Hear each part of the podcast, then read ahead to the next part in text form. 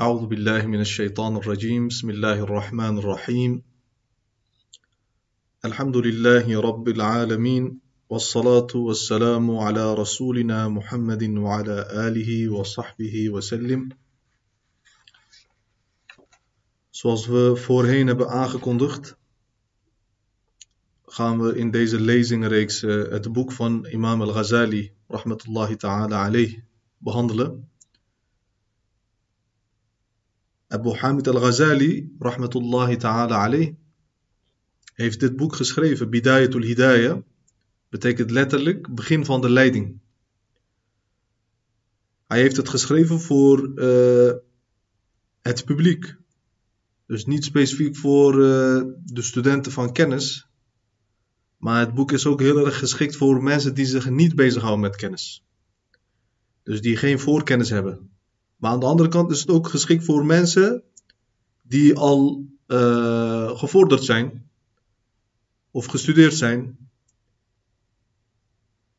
Het is dus een uh, goed boek dat uh, gebruikt kan worden voor publiekelijke lessen. Alhamdulillah, wij zijn Imam al-Ghazali dankbaar voor dit werk.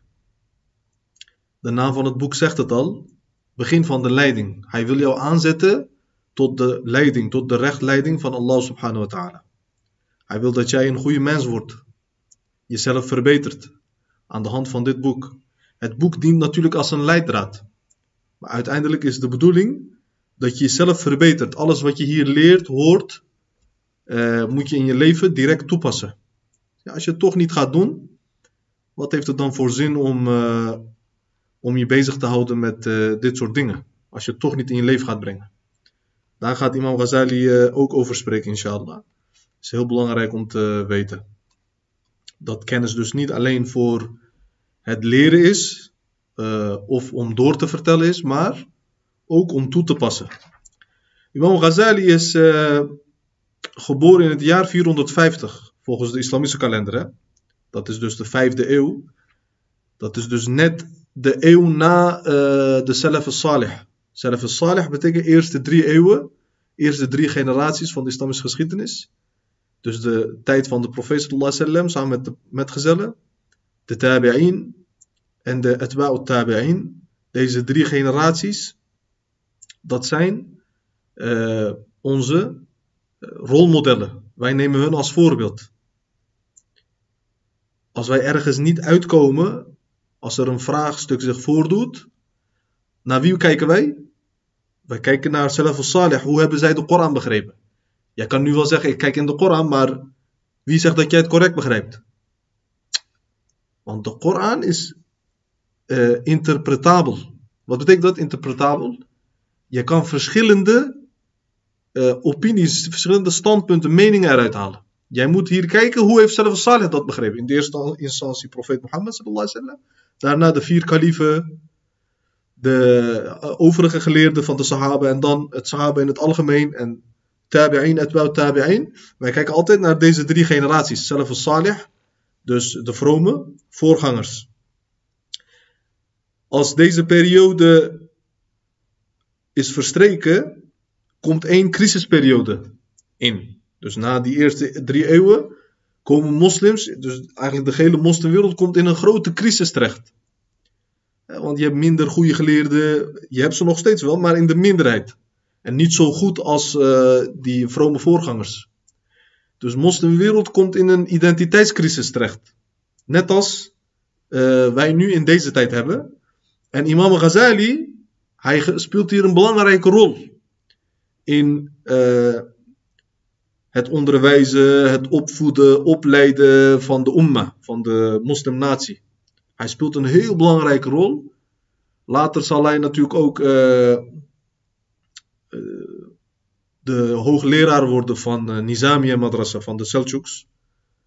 Daar geeft hij lessen, hij leidt duizenden studenten op.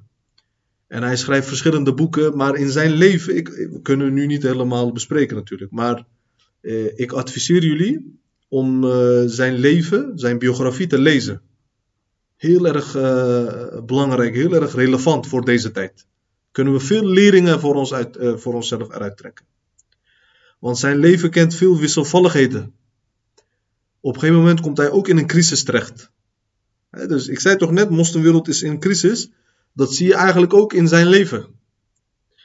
En uh, je ziet dus hoe hij, als je zijn leven leest, hoe hij uit die crisis komt. Door de Koran en de Sunnah te gebruiken, door de praktijken van de vrome voorgangers te gebruiken, door dat allemaal als leidraad te nemen, komt hij uit die crisis terecht. En hij schrijft verschillende boeken. Hij heeft ook een autobiografisch boek. Autobiografisch boek. Dat betekent dat je dus over jezelf uh, schrijft. Je schrijft een boek, maar het gaat over jezelf eigenlijk. Al-Munqidu min al-Dalal. Uh, hij schrijft daar hoe hij die uh, crisis heeft doorlopen. Hoe hij uiteindelijk de waarheid heeft gevonden. Hij heeft meer boeken geschreven. Ihya Ulumuddin bijvoorbeeld is ook een heel belangrijk boek van hem. Uh, en heel veel andere boeken in uh, theologie, in uh, wetgeving. Hij was een polymat, een grote geleerde die kennis had over verschillende islamitische wetenschappen. Echt een deskundige leermeester die verstand heeft van alles eigenlijk, van alle disciplines. Maar hoe komt het dat zo iemand uh, tot stand komt, zo'n uh, geleerde persoon? Het heeft eigenlijk met de familie te maken. Wij zien dat zijn vader uh, een vakmanschap uitoefende. Dus hij was geen geleerde man, vader van Imam Ghazali.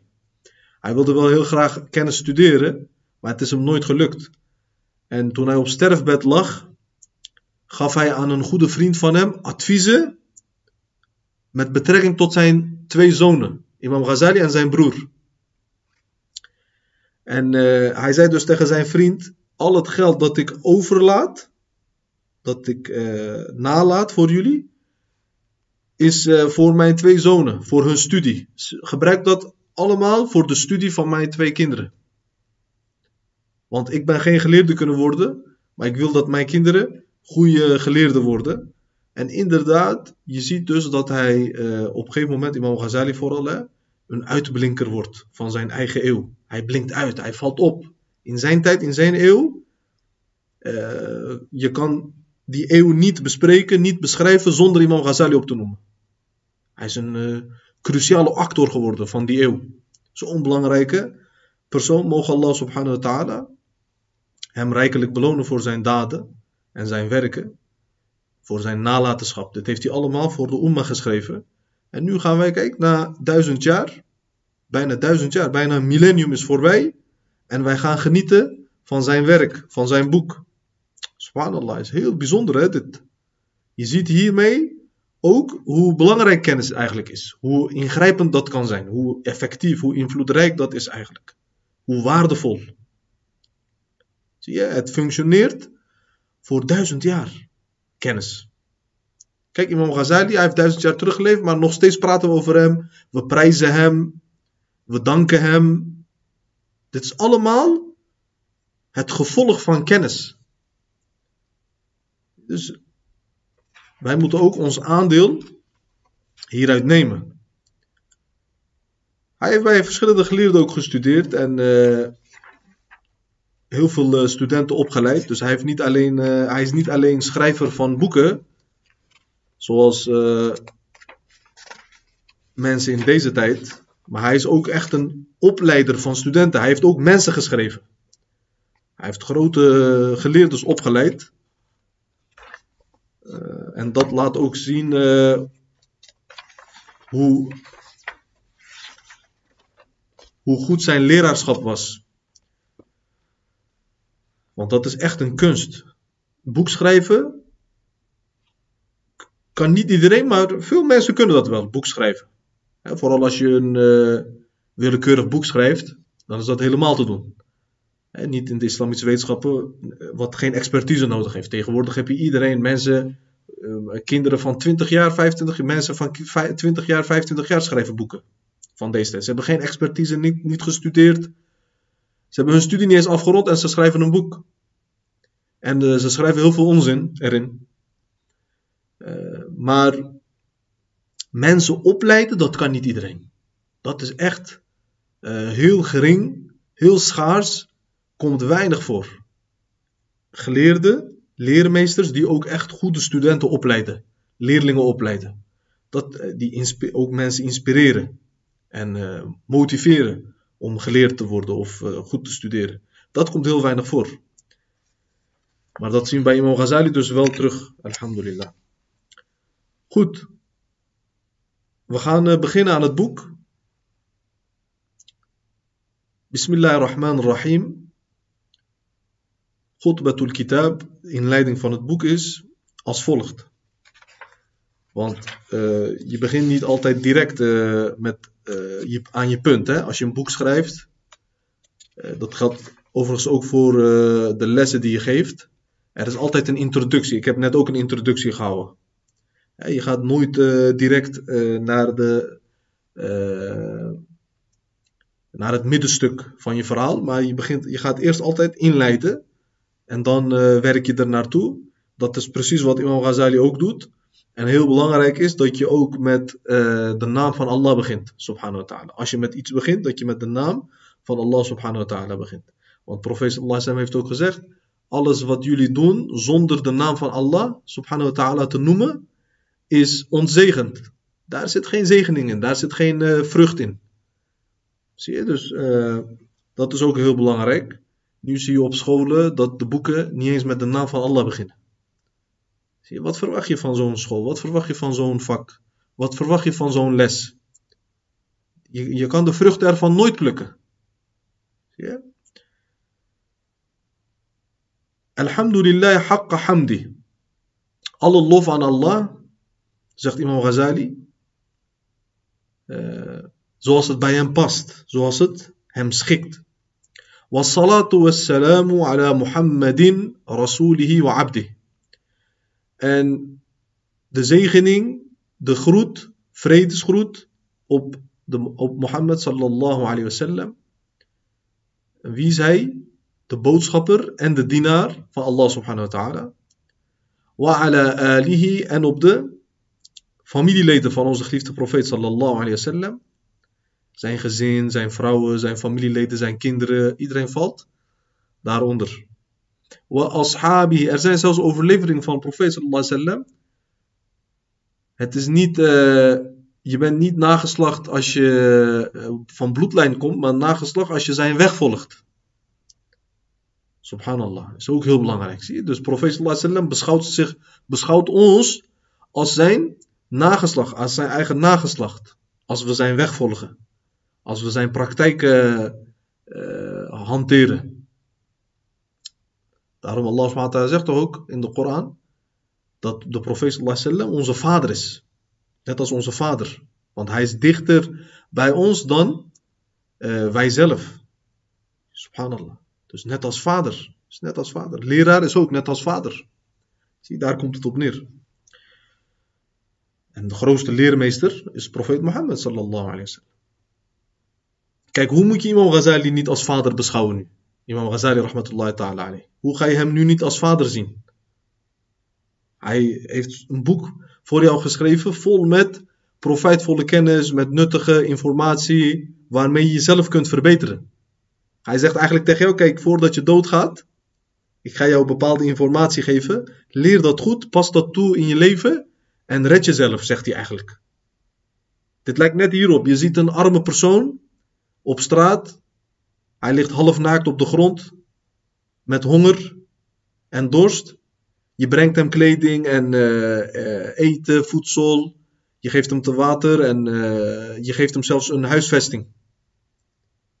Hoe, hoe tevreden wordt deze persoon? Hoe blij wordt hij met jou? Hoe dankbaar wordt hij jegens jou? Natuurlijk, je hebt hem geholpen. Maar kijk, nu zeg ik tegen jou, Imam Ghazali doet dat voor jou hiernamaals. Als iemand dat voor jouw wereldse leven doet, jij wordt al zo blij. Maar Imam Ghazali doet dat voor ons hiernamaals. Dat is eigenlijk wat alle profeten hebben gedaan. Voor de mensen. En hun erfgenamen. Want profeet sallallahu zegt toch, geleerden zijn erfgenamen van de profeten. Daarom je ziet Imam Ghazali uit genade voor ons. Heeft hij dit boek geschreven. Waarom? Kijk, jullie zijn naakt. In het hiernamaals zijn jullie straks naakt. Jullie zullen met lege maag rondlopen. Met dorst, uitgedroogde lippen zullen jullie uh, rondlopen in het hiernamaals. Op de dag der opstanding. Door de zonde die jullie hebben gedaan. door de tekortkomingen die jullie hadden in het verrichten van goede daden, van aanbiddingen. Maar hij zegt nu, kijk, ik geef jullie nu huisvesting, voedsel, eten, water. Bestudeer dit boek. Leer het goed, neem het tot je en je bent gered. Dus hoe dankbaar moeten wij, Imam Ghazali, wel niet zijn? Zie je? Zo moeten we dit zien. Wa ashabihi, en dus op zijn metgezellen, vredesgroeten op de profeet zelf, sallallahu op zijn familieleden, op zijn uh, metgezellen, min ba'dihi, die na, uh, dus na hem zelfs moet dat doorgaan. Zie je? Tot het laatste uur gaat deze dua door. Amma ba'd. Wat betreft uh, wat hierna komt. Uh, dit is faslul khitab, wordt het ook wel genoemd. Amma ba'd in het Arabisch is heel uh, welsprekend. Een welsprekend formule. een welsprekend uitspraak. is heel fasih, heel belig, kort en krachtig. Amma ba'd. En er wordt gezegd dat Daoud salam dit als eerst heeft uh, gebruikt. Deze, dit taalgebruik. Uh, en daarin, daar uh, wordt ook naar verwezen in de Koran. met faslul khitab. Faslul khitab.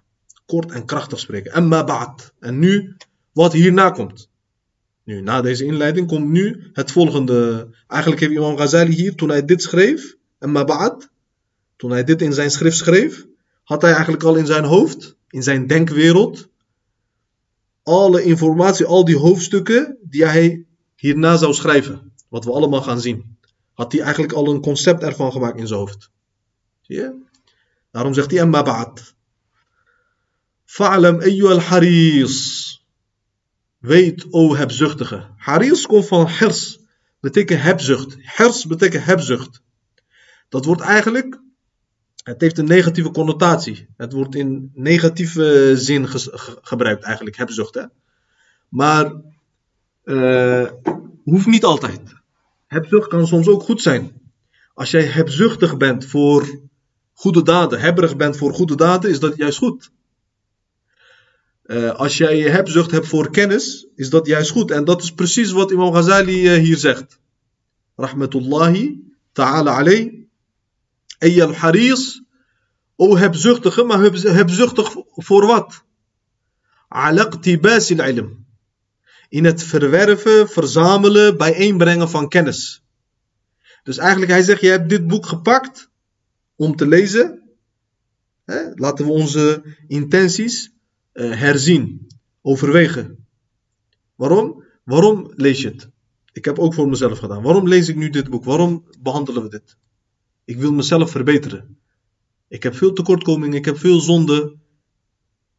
Ik geloof niet dat ik uh, volledig op de, recht, op de rechtleiding ben, op het rechte pad ben. Want ik heb tekortkomingen. Dus wat wil ik hiermee bereiken met deze bijeenkomst? Ik wil mezelf verbeteren. Onder toezicht van Imam Ghazali. Daarom heet de lezingreeks ook waarom? Imam Ghazali aan het woord. Omdat je onder zijn toezicht nu zijn werk bestudeert. Zie je? Dat moet ook jouw intentie zijn. Waarom volg je nu deze les? Niet uh, even kijken, wat gaat uh, deze jongen vertellen? Laat, laten we even naar hem luisteren. Waar heeft hij het in godsnaam over? Kan hij goed spreken of niet? Is hij duidelijk of niet? Niet daarom luisteren, maar waarom moet je luisteren? Laat ik twee dingen, drie woorden horen. Misschien is dat mijn rechtleiding zit daarin. Misschien kan ik mezelf redden. Misschien kan ik een verbeterpunt leren en mezelf aanpassen. Dus wat doe jij eigenlijk nu? Jij wil kennis leren. Al-mudhiru min nafsihi sidqa raghbati fi. Wat uit jij nu door dit boek te pakken? Niet alleen uh, het verzamelen van kennis, maar je uit ook eigenlijk vanuit jezelf uit je sidqa raghbati fi. Uh, een verlangen naar kennis. Je hebt een verlangen naar kennis. Dat is zo mooi om te zien. Sommige eh, jongeren, bij de jongeren zie je dat. Bij de oudere mensen zie je dat niet meer. Maar bij jongeren vooral zie je dat. Ze zijn heel nieuwsgierig en leergierig. Alhamdulillah, dat is zo mooi om te zien. Dat er nog steeds mensen zijn die graag nog één woord, één zin willen leren. Één, één gegeven, één kennis, één informatie. Waarmee ik mezelf kan verbeteren. Dat is zo mooi om te zien. En uh, zo spreekt Imam Ghazali ons ook aan. Hij motiveert ons ook meteen. Kijk, hij zegt door deze les bij te wonen, door dit boek te lezen of te bestuderen, wat doe jij eigenlijk? Jij uit vanuit jezelf verlangen naar kennis. En dat is aan zich al een uh, aanbidding, een goede daad. Want geleerden zeggen ook, de, als je zou moeten kiezen voor de beste goede daad, voor de uh, beste vrijwillige aanbidding, waar zou je moeten, voor moeten kiezen? Alle geleerden zeggen kennis. Zie je? Wat uit je nog meer uit je, vanuit jezelf? Wat, voor uiting heb je nog meer? Wafartat ta'attushi ilay. Je uit een overdreven dorstigheid. Ta'attush komt van atash, yani dorst. Je, je bent zo dorstig naar kennis, zegt Imam Ghazali, eigenlijk. Door hier aan te beginnen, laat je zien hoe dorstig je bent aan kennis.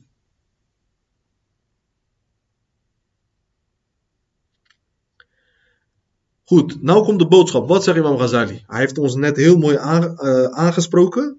Zie dat? Het is heel mooi om door Imam Ghazali zo aangesproken te worden. Alhamdulillah, stel je voor, vergeet mij, haal mij eruit. Doe alsof Imam Ghazali nu spreekt. Imam Ghazali spreekt hier.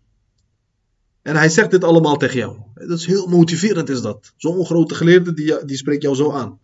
Daarom leraren moeten zo zijn ook tegen hun leerlingen. Leraar moet niet zijn leerling kleineren. Eh, kijk, jij, jij hebt mij nodig. Kom maar zitten hier en luister goed naar mij. Jij hebt mij nodig. Jij weet niks. Jij moet goed naar mij luisteren. Zo zegt hij niet. Kijk, kijk hoe mooi hij begint. Hij verwelkomt ons. Hij zegt, mashallah, kom. Welkom, welkom. Kom zitten. Leergierige broeders, leergierige zusters. Wat goed van jullie dat jullie deze intentie hebben. De, uh, dit doel hebben om hier te studeren. Hij verwelkomt ons. Hij onthaalt ons op de beste manier. أنك إن كنت تقصد بطلب العلم المنافسة. Maar nu, kijk, nou begint uh, de zure kant van het verhaal. Dat moet ook. Dat moet ook, anders kunnen we onszelf nooit verbeteren. Imam Ghazali zegt, nu, jij hè, zegt hij. Als jij met, je wil nu zitten en kennis leren. Maar als jij daarmee streeft naar munafasa. Munafasa dus concurreren met anderen. Dus uh, iemand anders is bezig met kennis. En jij wil nu ook kennis leren om met hem te wedijveren. Wal mubahata. Of je leert het voor uh, pronken. Om aan mensen te laten zien dat je veel kennis hebt. Dat je bezig bent met zulke dingen. Met goede daden. Met kennisbijeenkomsten. Met studie. Om dat aan mensen te laten zien. Of wat taqadduma ala al-aqran. Kijk, dit zijn allemaal slechte intenties, slechte bedoelingen. Hij zegt dit allemaal om jou duidelijk te maken. Heb je zo'n intentie, verander dat meteen. Want dit is niet goed, zegt hij eigenlijk. Waarom? Je moet slechte dingen, kwade dingen ook leren. Waarom? Anders kan je jezelf toch nooit behoeden tegen dat. والتقدم على الأقران. En uh, inhalen van jouw uh, leeftijdsgenoten. Je wil ze inhalen. Je klasgenoten wil je inhalen. Je wil uitblinken ten opzichte van hun. Imam Ghazali zegt, dit zijn geen goede intenties. Dat moet je niet doen. Als je, om, als je door om deze redenen kennis leert, dan ben je verkeerd bezig, zegt Imam Ghazali. Kijk, zie hoe mooi Imam Ghazali ons adviezen geeft. En wat nog meer, Of het uh, tot jezelf richten van andermans gezicht. Dus jij wil de aandacht krijgen, zegt hij eigenlijk. Leer je kennis om aandacht te krijgen van mensen, om beroemd te worden, om aanzien te krijgen. Sommige mensen leren daarom toch? Ze studeren daarom. Ze halen daarom hun diploma. Waarom? Ik wil aanzien hebben, ik wil status hebben in de gemeenschap. Anders erkent niemand mij. Je moet niet daarom leren. Als je daarvoor leert, krijg je geen beloning voor je daad. Zie je, dat is heel uh, heel slecht als je zoiets doet. Na'udhu billah. وَجَمَعَ حُطَامِ الدُّنْيَا Of het verzamelen van werelds eigendom. Je doet het voor geld. Dit zijn allemaal slechte intenties waar je kennis niet voor moet leren. Ja? Wat dan? Stel je voor, je doet dit zo, zegt Imam Ghazali. Als dit jouw intenties zijn. Als je dit doet, dan ben je eigenlijk hard bezig met het vernielen van je geloof. Je, je benadeelt jezelf, zegt Imam Ghazali. Je verwoest jezelf. Je verwoest jezelf. Zie je? Bay'i akhiratika bidunyak. Je verkoopt je hiernamaals in ruil voor je wereld. Subhanallah, wat een uh, ingrijpende uitdrukking zeg. Heeft grote impact op je, als je goed luistert naar wat Imam Ghazali zegt. Dus als je hier voor, deze redenen uh, kennis leert, dan verkoop je eigenlijk je werelds leven, of uh, je hiernamaals, verkoop je eigenlijk in ruil voor het uh, hiernamaals. Of je verkoopt je hiernamaals in ruil voor je werelds leven. Dus je krijgt je werelds, je is safe, die is binnen, hiernamaals is verloren geraakt. Maar dit is uiterste vorm van dwaasheid. Als iemand dit doet, dan is hij gestoord. Hij is gek geworden. Zo iemand noemen ze krankzinnig. Waarom? En jij geeft tonnen goud weg, eigenlijk. Daar komt het op neer. Want hiernamaals is eeuwig. Werelds is tijdelijk. Is kortstondig. Is beperkt. En er zit heel veel ellende, zit pijn in, zit uh, verdriet in. Hiernamaals is niet zo. Als je natuurlijk goed leeft in de wereld. Hiernamaals kan heel uh, gelukzalig zijn voor je. Maar wat doe jij? Jij geeft je tonnen goud geef je weg en je krijgt er een rots voor terug. Eén rots krijg je ervoor terug. Dit is, als dit geen uiterste vorm van dwaasheid is, wat is het dan? Zie je? Allahul musta'an. Er zijn mensen die het doen. Dit is niet ver gezocht, hè? Dit is niet ver gezocht. Hoeveel mensen zijn er die hun uh, hiernamaals kapot maken voor het wereld? Voor tijdelijke belangen. Miljoenen mensen, kijk, heel veel mensen geloven niet eens. Zo zegt Allah SWT in de Koran ook. Tientallen versen zijn hierover. Meeste mensen geloven niet, meeste mensen denken niet na. Meeste mensen gehoorzamen niet. Heel veel versen heb je in deze betekenis. Fasafqatuka. Jouw handelsakte draait verlies, is verlies. Zegt, wa tijaratuka ba'iratun. Je handel is onder de nul. Je draait verlies als je dit doet, zegt Imam Ghazali. Wa muallimuka mu'inun laka ala. Sterker nog, als jouw leraar dat weet van jou, als jouw leraar doorheeft, deze jongen leert kennis niet voor, het geloof, voor, het, voor Allah subhanahu wa ta'ala, maar voor wereldse belangen, voor tijdelijke belangen, voor zijn verlangen, voor zijn begeerte. Dan, en die leraar die weet dat dus en hij blijft doorgaan met lesgeven aan zo iemand, dan is die leraar zelfs zondig. Waarom? Imam Ghazali zegt, hij helpt jou met zondigen. Hij moet jou eigenlijk waarschuwen, goed advies geven. Hij moet tegen jou zeggen, ga naar huis, leg je hoofd tussen je twee handen en heroverweeg je intentie. Waarom leer je kennis? Waarom studeer je? In plaats, van, in plaats daarvan zegt de leraar: Nee, nee, nee, ik stuur hem niet weg. Waarom? Als hij weggaat, dan heb ik minder leerlingen. Zie je? De intentie van de leraar is ook niet goed dan. Hij is jouw deelgenoot in jouw verlies, in het verlies dat je draait. Jouw leraar wordt jouw uh, deelgenoot hierdoor. Zie je, kijk, dit is de ergste vorm van schade oplopen. Ergste vorm je loopt niet alleen zelf schade op, maar je zorgt er ook voor dat anderen schade oplopen door jezelf. Dus door jou ondervinden andere mensen ook de, de consequenties van de verkeerde keuzes die jij hebt gemaakt, de verkeerde beslissingen die jij hebt genomen. Het is de ergste vorm van schade oplopen. Hij geeft nu een voorbeeld. Hij zegt, waar lijkt deze leraar op die aan een slechte persoon kennis geeft? Aan iemand die zwaard verkoopt aan bandieten, aan rovers.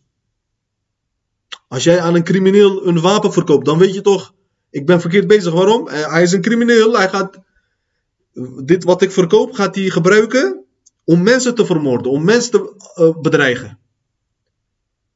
Ah, ben je dan uh, deelgenoot van zijn zonde? Absoluut. Je bent absoluut een deelgenoot van wat hij doet. Waarom? Je helpt hem in zijn ongehoorzaamheid. Je helpt hem in zijn zonde. Zie je hoe dat is? Daarom profeet sallallahu alayhi wasallam heeft gezegd: wie kennis geeft aan iemand die het niet waardig is, hij is net als een persoon die uh, gouden ketting op, op de nek van een varken hangt.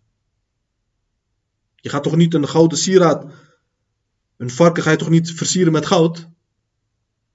Zie je, is niet waard. Wat moet een varken daarmee? Zie je? Wat doet een varken daarmee? Hij eh, pleurt het in, uh, in een modder. Hij verwaarloost het, dat goud. Op dezelfde manier, mensen met slechte intentie, met slechte bedoelingen, zij gaan ook die kennis verwaarlozen. Daarom moet je zo iemand eigenlijk geen kennis geven. Zo zegt Imam Ghazali rahmatullahi ta'ala alayhi. Zie hoe erg het is om slechte intentie te hebben. Dat zorgt er zelf voor dat je de toegang wordt ontzegd tot kennis. Je krijgt geen toegang meer. In de klas op school heb je toch ook huisregels. In de madras hebben wij huisregels. Als iemand zich niet houdt aan de regels, wat moet er gebeuren? Hij wordt ontzegd, de toegang ontzegd tot de les. Hij mag niet eens in de klas komen. Eigenlijk, wij moeten in die uh, gouden regels van ons, daar staat bijvoorbeeld als je te laat komt, wat moet je doen? Als je vaak te laat komt, je mag niet meer naar binnen. Ik geef een voorbeeld. Of je hebt je spullen niet in orde voor de zoveelste keer. Dan mag je niet in de les komen, toch? Eigenlijk moeten we daar ook erbij toevoegen, in die huisregels. Als je geen goede intentie hebt, mag je ook niet in de les komen. Eigenlijk moeten we dat wel doen. Zie je? Want dat is het zeker ook. En wie iemand helpt bij zijn zonde. Dus hij gaat zondigen en jij helpt hem daarmee. Maar kijk, let wel, je moet weten dat hij gaat zondigen. Als jij dat niet weet, dan ben je niet verantwoordelijk. Dat is wat anders, daar hebben we het niet over. Zie je?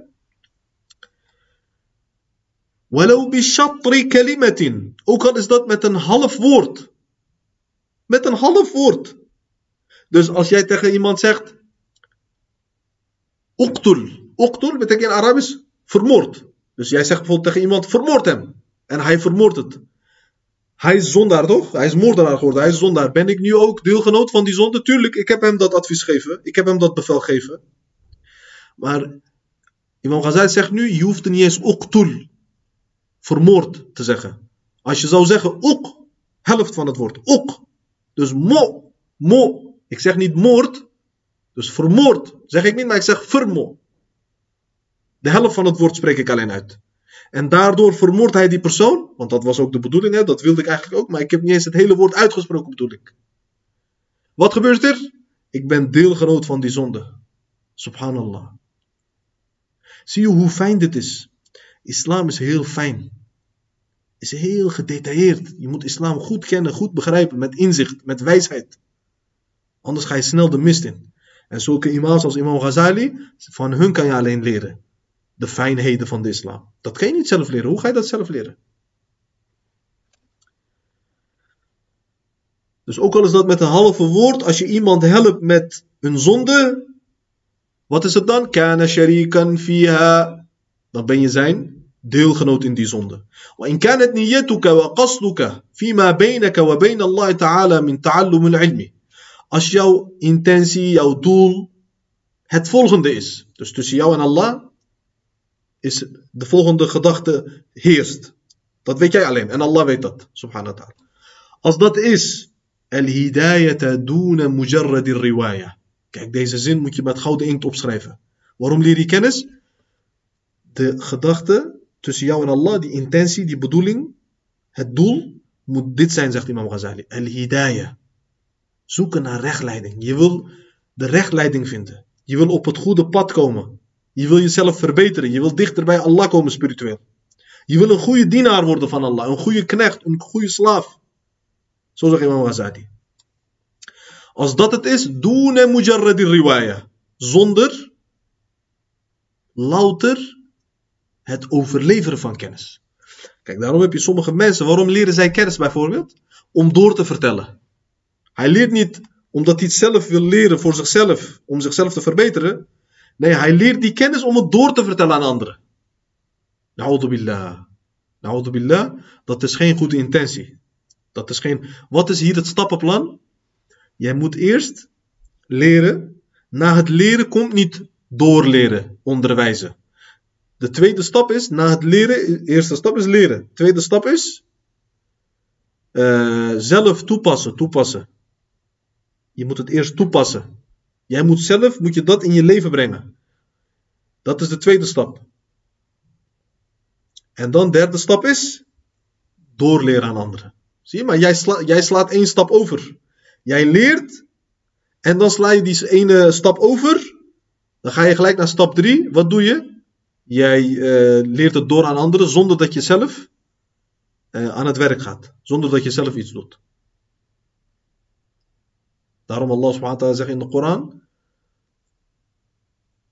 أتأمرون الناس بالبر وتنسون أنفسكم وأنتم تنسون أنفسكم Jullie dragen mensen het goede op, maar jullie vergeten jezelf. Zie je? Daarom uh, moet je jezelf niet vergeten. Profeet Allah heeft ook gezegd. Zo iemand is net als een kaars. Die uh, verlicht zijn omgeving, maar ten koste van zichzelf. Hij, hij brandt zelf weg. Waarom? Om zijn omgeving te verlichten.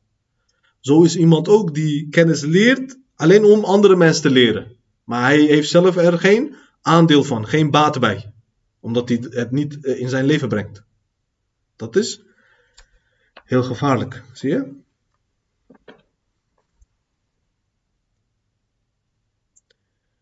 Goed. Dus als jij het voor jezelf leert, voor rechtleiding, zonder dat je het aan anderen wilt vertellen. In de eerste instantie. Dan wat? Fa'abshir. Fa'abshir, blijde tijdingen voor jou. Kijk, prof, uh, Imam Ghazali, rahmatullahi ta'ala alayh, hij geeft blijde hij verblijdt jou met het paradijs. Hij zegt tegen jou, als je het echt daarvoor leert, de kennis, dan ben jij uh, gered. Dan heb je de verlossing, heb je eigenlijk gehaald. En anders werk je ernaar. Malaikata. Want kijk, wat gebeurt er als jij kennis met goede intentie, met goede bedoeling leert? De engelen tabsutu laka ajnihataha. Fa'innal malaikata. De engelen die doen wat? Uh, tabsutu. Zij breiden uit of zij uh, leggen neer. Lekker voor jou. Ajnihataha. Hun vleugels leggen ze voor jou neer. Ze omhelzen jou met hun vleugels. Ze leggen het onder je voeten. Voor jou uit eerbied. Ida mashayta, wanneer je loopt. Van waar komt het eigenlijk? Waarom doen engelen dit? Dit staat in de hadith. Profeet sallallahu heeft het eigenlijk gezegd. in hadith wordt dit gezegd, verteld door de profeet sallallahu En waarom doen engelen dat? Dit gaat eigenlijk terug naar Adam alayhi Want Allah subhanahu wa ta'ala liet de engelen prosterneren aan de profeet Adam alayhi Waarom? Allah had eerst aangetoond met de kennis van Adam a.s. dat hij voortreffelijker is dan de engelen. Allah zei toch tegen de engelen, zij gingen eerst ondervragen, ze zeiden, ja Rabbi, jij hebt deze man, Adam a.s. heb je geschapen. Maar voorheen hebben de djinn op de aarde geleefd, ze hebben elkaars bloed hebben ze gegoten, ze hebben elkaar vermoord, oorlogen gevoerd. Waarom is dit? ze ondervragen het alleen, ze willen die wijsheid weten. Niet omdat ze Allah tegenspreken, engelen spreken Allah nooit tegen. Iblis was geen engel. Ze zeggen over Iblis gevallen, gevallen engel. Is fout. Hoe kan een engel gevallen zijn? Eh, engelen kunnen niet vallen. Engelen zijn altijd gehoorzaam. Zie, het is een heel belangrijk akida-punt. Geloofsleer is dit. Dat komt van uh, de verbasterde geschriften door Joden en christenen. Gevangen, zoiets als gevallen engel bestaat niet. Ook over Harut en Marut zeggen ze dat. Heel veel onzin. Uh, zeggen ze erover. Dat zijn twee engelen, Allah SWT heeft gestuurd. Zij zijn ontest. Als beproeving zijn ze gekomen naar de mensen. Hebben ze mensen tovenarij geleerd. Dat is niet zoals in uh, de christelijke mythologie en zo. Of Joodse geschriften zoals het daar is uh, beschreven. Ze waren twee engelen, ze zijn naar de aarde gekomen, maar ze zijn afgeweken van het rechte pad. Ze zijn gevallen engelen geworden. Nee, dat is niet waar. Engelen vallen niet. Ze zijn altijd gehoorzaam. Ze hebben geen ego. Engelen hebben geen ego. Zie je? Dus Allah subhanahu wa ta'ala zei toen tegen de engelen: Oké, jullie ondervragen dit. Jullie willen de wijsheid weten, is goed. Ik toon het aan jullie aan. Uh, bericht mij over deze voorwerpen. De engelen wisten niet. Ze zeiden: Ja, Rabbi, wij kunnen alleen kennis hebben over dingen die u aan ons heeft geleerd. Wij kunnen zelf niet dingen begrijpen. U heeft ons nooit zoiets geleerd wat de namen van deze objecten zijn. Toen zei Allah subhanahu wa ta'ala tegen Adam alayhi salam. Noem voor de engelen, noem één voor één op wat deze, staat allemaal in de Koran dit. Ik vertel jou geen fabel hè. Dit is geen roman. Dit is Koran. Allah subhanahu wa ta'ala bericht ons in de Koran. Bericht mij hierover. Wat zijn de namen van deze objecten? Adam alayhi salam. Daarom alle talen die komen eigenlijk terug van de taal die Adam alayhi salam gebruikte. Dat is de, eigenlijk onze oorspronkelijke moedertaal. De oer van alle talen is eigenlijk die taal. En uh, Adam a.s. ging één voor één die namen opnoemen van de objecten. En wat gebeurde er? Engelen gingen allemaal naar de sajda. Eerst gingen ze ondervragen naar de wijsheid. Maar toen begrepen ze gelijk: oh, kijk, hij heeft kennis. Allah heeft hem kennis gegeven. Uit eerbied gingen ze voor hem sajda doen. Met het bevel van Allah subhanahu Maar Iblis niet. Iblis zei: Ik ben beter dan hij. Ik ben van vuur. Kijk, hij eerste filosoof. eerste filosoof was eigenlijk Adam alayhi salam. Eerste filosoof. Die filosofen hebben nooit de waarheid kunnen vinden. Allemaal zijn verdwaald geraakt. De filosofen. De goede kennis die je in hun boeken ziet, hebben ze allemaal van uh, profeten geplagieerd. Zo zegt Imam Ghazali in zijn andere boeken, zegt hij dat. Ze hebben dat gestolen van uh, de profeten.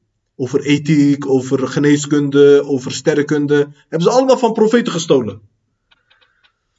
En uh, zelf hebben ze nooit de waarheid kunnen vinden. Omdat ze steeds dingen met elkaar vergelijken. Ze denken dat ze met uh, zintuigen alles kunnen begrijpen. Ze hebben hoogmoed. Ze accepteren profeten niet. De openbaringen accepteren ze niet. Ze denken dat ze met hun verstand alles kunnen achterhalen. Daarom, kijk, ze hebben zoveel logica, zogenaamd zoveel uh, verstand. Maar het heeft hun niet tot het juiste pad geleid. Zie je? Daarom, je kan niet met verstand alles begrijpen. Met wetenschap ook niet. Zie je, is allemaal beperkte zaken zijn dat. Maar als profeet sallam iets vertelt, dan is dat voor ons gelijk aan te nemen. Waarom? Hij is door Allah gestuurd en bevestigd. Weet jij het beter of weet Allah het beter?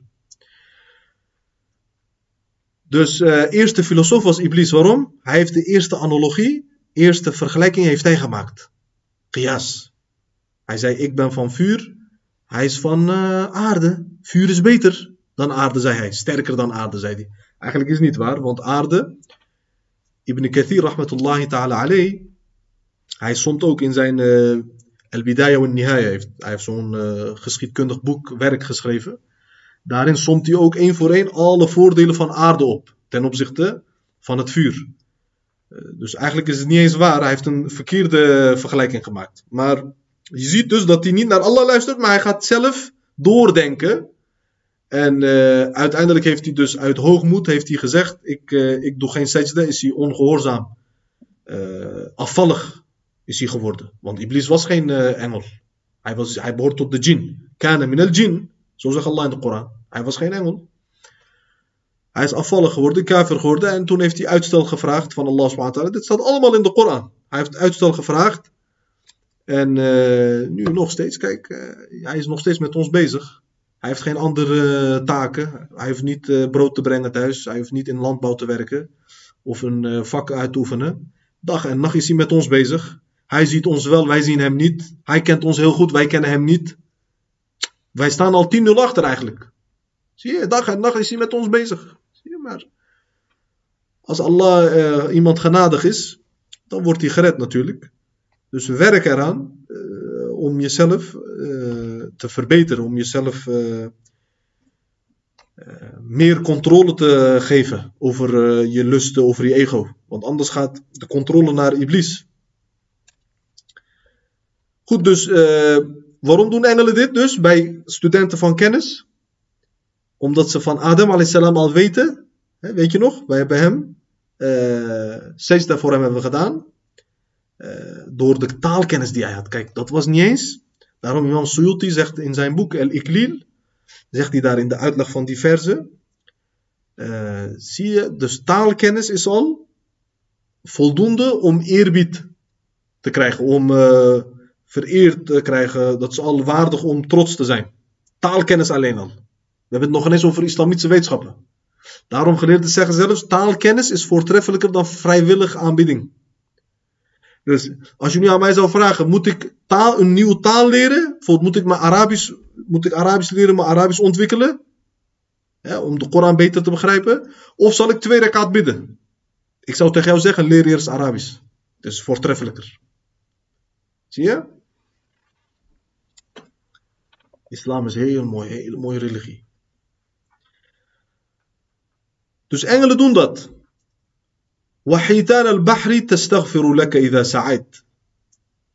Wanneer je vooruit gaat, wanneer je beweegt, jezelf verplaatst op de aardbodem, doen de vissen in de oceanen zelfs uh, vergiffenis voor jou, vragen ze aan Allah subhanahu wa ta'ala. Zie, kijk, je bent zo vereerd. Jouw status is zo hoog gemaakt. Die staat zo hoog bij Allah subhanahu wa ta'ala, dat dieren zelfs uh, vergiffenis vragen voor jou. Ze doen istighfar. Alles dus, zelfs de mieren, beestjes, dieren, planten, alles doet istighfar. Hemel en de aarde doet istighfar voor jou. Als je je met kennis bezighoudt. Dit is ook hadith, hè? dit staat allemaal in de hadith van de profeet sallallahu alayhi wa sallam. Het is een lange hadith, voor een halve bladzijde ongeveer. Die hadith van uh, al-ulama warathatul anbiya. Dat staat in die hadith, het is een lange hadith. De profeet zegt dit sallallahu alayhi wa sallam. En uh, waarom is dat zo? Geleerden ze hebben de wijsheid hiervan uh, uitgelegd. Zij hebben gezegd, iemand die zich met kennis bezighoudt, die verbetert zichzelf in de eerste instantie, maar ook de mensen. En als je de mensen verbetert, als je aan de verbetering van het leven werkt, dan uh, hebben de dieren daar ook een baat bij. Want als jij goede mensen opleidt met kennis, dan wordt het milieu ook beschermd. Kijk, nu heb je mensen, ze martelen dieren bijvoorbeeld. Waarom doen ze dat? Omdat ze is uh, wahshi, wilde mensen. Wilde mensen die hebben uh, geen uh, gedrag meegekregen, geen opvoeding meegekregen, geen kennis. Ze hebben geen goede opleiding gekregen. Ze weten het niet. Uit dwaasheid, uit onwetendheid doen ze zulke dingen. Zie je, kijk nu, mensen maken kapot. Het milieu maken ze kapot, de natuur maken ze kapot. Nu ga je tegen mij zeggen, maar dat zijn geschoolde mensen die dat doen, wetenschappers. En daarom zeg ik tegen jou, als jij op school de lesboeken niet eens met besmellen beginnen, wat heb je aan zo'n school? Wat heb je aan zo'n universiteit? Hij begint niet met besmellen. Het lesboek begint niet eens met besmellen. Het is niet eens in de naam van Allah subhanahu wa ta'ala. Zie je? Daarom klopt, de meeste criminelen nu in de wereld zijn geschoolde mensen. Mensen met kennis. Maar waarom is dat zo? Dat botst niet met dit. Waarom botst het niet? Met wat ik net vertelde. Ik heb over profijtvolle kennis. Maar nu op scholen, op universiteiten wordt er profijtvolle kennis gegeven. Juist niet. Zij leren jou hoe word je een hyena. Kijk, ik zeg het heel uh, eenvoudig. Heel openlijk. Met openlijk hart. Ik ga niet lopen verdraaien. Of uh, dure woordjes gebruiken. Om dingen te vermommen. Hoeft helemaal niet. Gewoon regelrecht. Wij kennen het. Wij zijn ook hier eh, in dit land geboren. We zijn hier geboren. Wij kennen de scholen, de universiteiten. Ze leren jou eigenlijk hoe moet je een opportunist, een, uh, een persoon worden die ten koste van anderen leeft. Zie je? Hoe kom je altijd voor je eigen belangen op ten koste van anderen? Hoe kan je snel uh, rijk worden? Hoe kan je snel populair worden? Dit is wat nu jongeren meekrijgen in de samenleving. Onder andere ook op scholen. Dit soort dingen krijgen ze mee. Zie je, heel materialistisch. Onderwijs is ook heel materialistisch ingericht. Helaas, op de scholen. Heel, is heel seculier. Spiritualiteit is verloren. Zie je, mensenliefde is verloren. Natuurliefde is verloren. En daarom krijg je zulke harteloze wetenschappers uiteindelijk. Ik, zeg, ik spreek niet namens over iedereen. Hè? Tuurlijk zijn er uitzonderingen. Er zijn ook hele goede mensen. Hoeft niet per se moslim te zijn. Onder de niet-moslims heb je ook hele goede mensen. Onder de moslims heb je ook slechte mensen. Snap je? Je moet mij goed begrijpen natuurlijk. Mijn punt moet je goed begrijpen. Maar hoe komt het dat uh, mensen dus de natuur, die wetenschappers, die denken niet meer aan de natuur. Ze, dingen, ze vinden zulke dingen uit. is eigenlijk die kernwapens bijvoorbeeld. Wie heeft dat uitgevonden? En mannen zoals Einstein, die vinden zulke chemische wapens, vinden zij uit. Want Einstein heeft toch kennis? Hij was niet onwetend. Maar ik zeg tegen jou, hij was eigenlijk onwetend. Albert Einstein, hij was eigenlijk onwetende man. Duistere onwetende zelfs. Waarom? Hij weet niks over Allah, hij weet niks over Koran, hij weet niks over hadith. Hij weet niet wat is haram en halal. Wat is goed en fout. Zijn moraalfilosofie is zit daarom heel anders in elkaar. Zijn denkwijze, zijn referentiekader zit heel anders in elkaar. Zie je? Daarom kan je zo een persoon eigenlijk niet geleerd noemen. Hij is in onze ogen, in, in onze zienswijze, is zo een persoon onwetend eigenlijk. Iemand die niks bakt van de Koran, van de sunnah van de profeet. Wat weet hij? Ook al is hij heel goed in wiskunde en natuurkunde. Eigenlijk is hij onwetend. Zie je? Dus uh, dit moet je uh, goed begrijpen. Goed, het is uh, over tijd nu. Ik rond het hier af. Volgende week, inshallah, gaan we hiermee verder. Het duurt nog wel even een paar bladzijden, de introductie van Imam Ghazali.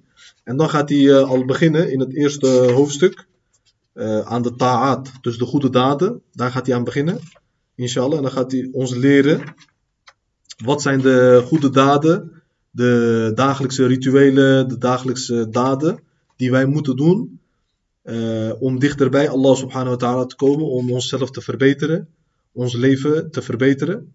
Uh, dus het is een heel belangrijk, uh, belangrijke les die jullie niet moeten missen, inshallah ta'ala. Mogen Allah subhanahu onze bijeenkomsten accepteren, onze zonden vergeven, onze nacht zegenen. Doe veel dua voor de moslims ook in de wereld. Ze verkeren in een moeilijke, in een hectische toestand. Mogen Allah subhanahu wa ta'ala ons en alle moslims in de wereld zo snel mogelijk redden, zo snel mogelijk bevrijden uit die calamiteiten, uit die tegenspoed.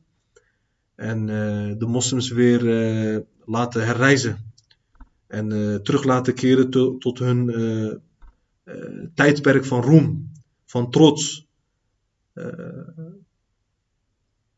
سبحانك اللهم وبحمدك أشهد أن لا إله إلا أنت أستغفرك وأتوب إليك اللهم صل على سيدنا محمد وعلى آله وصحبه وسلم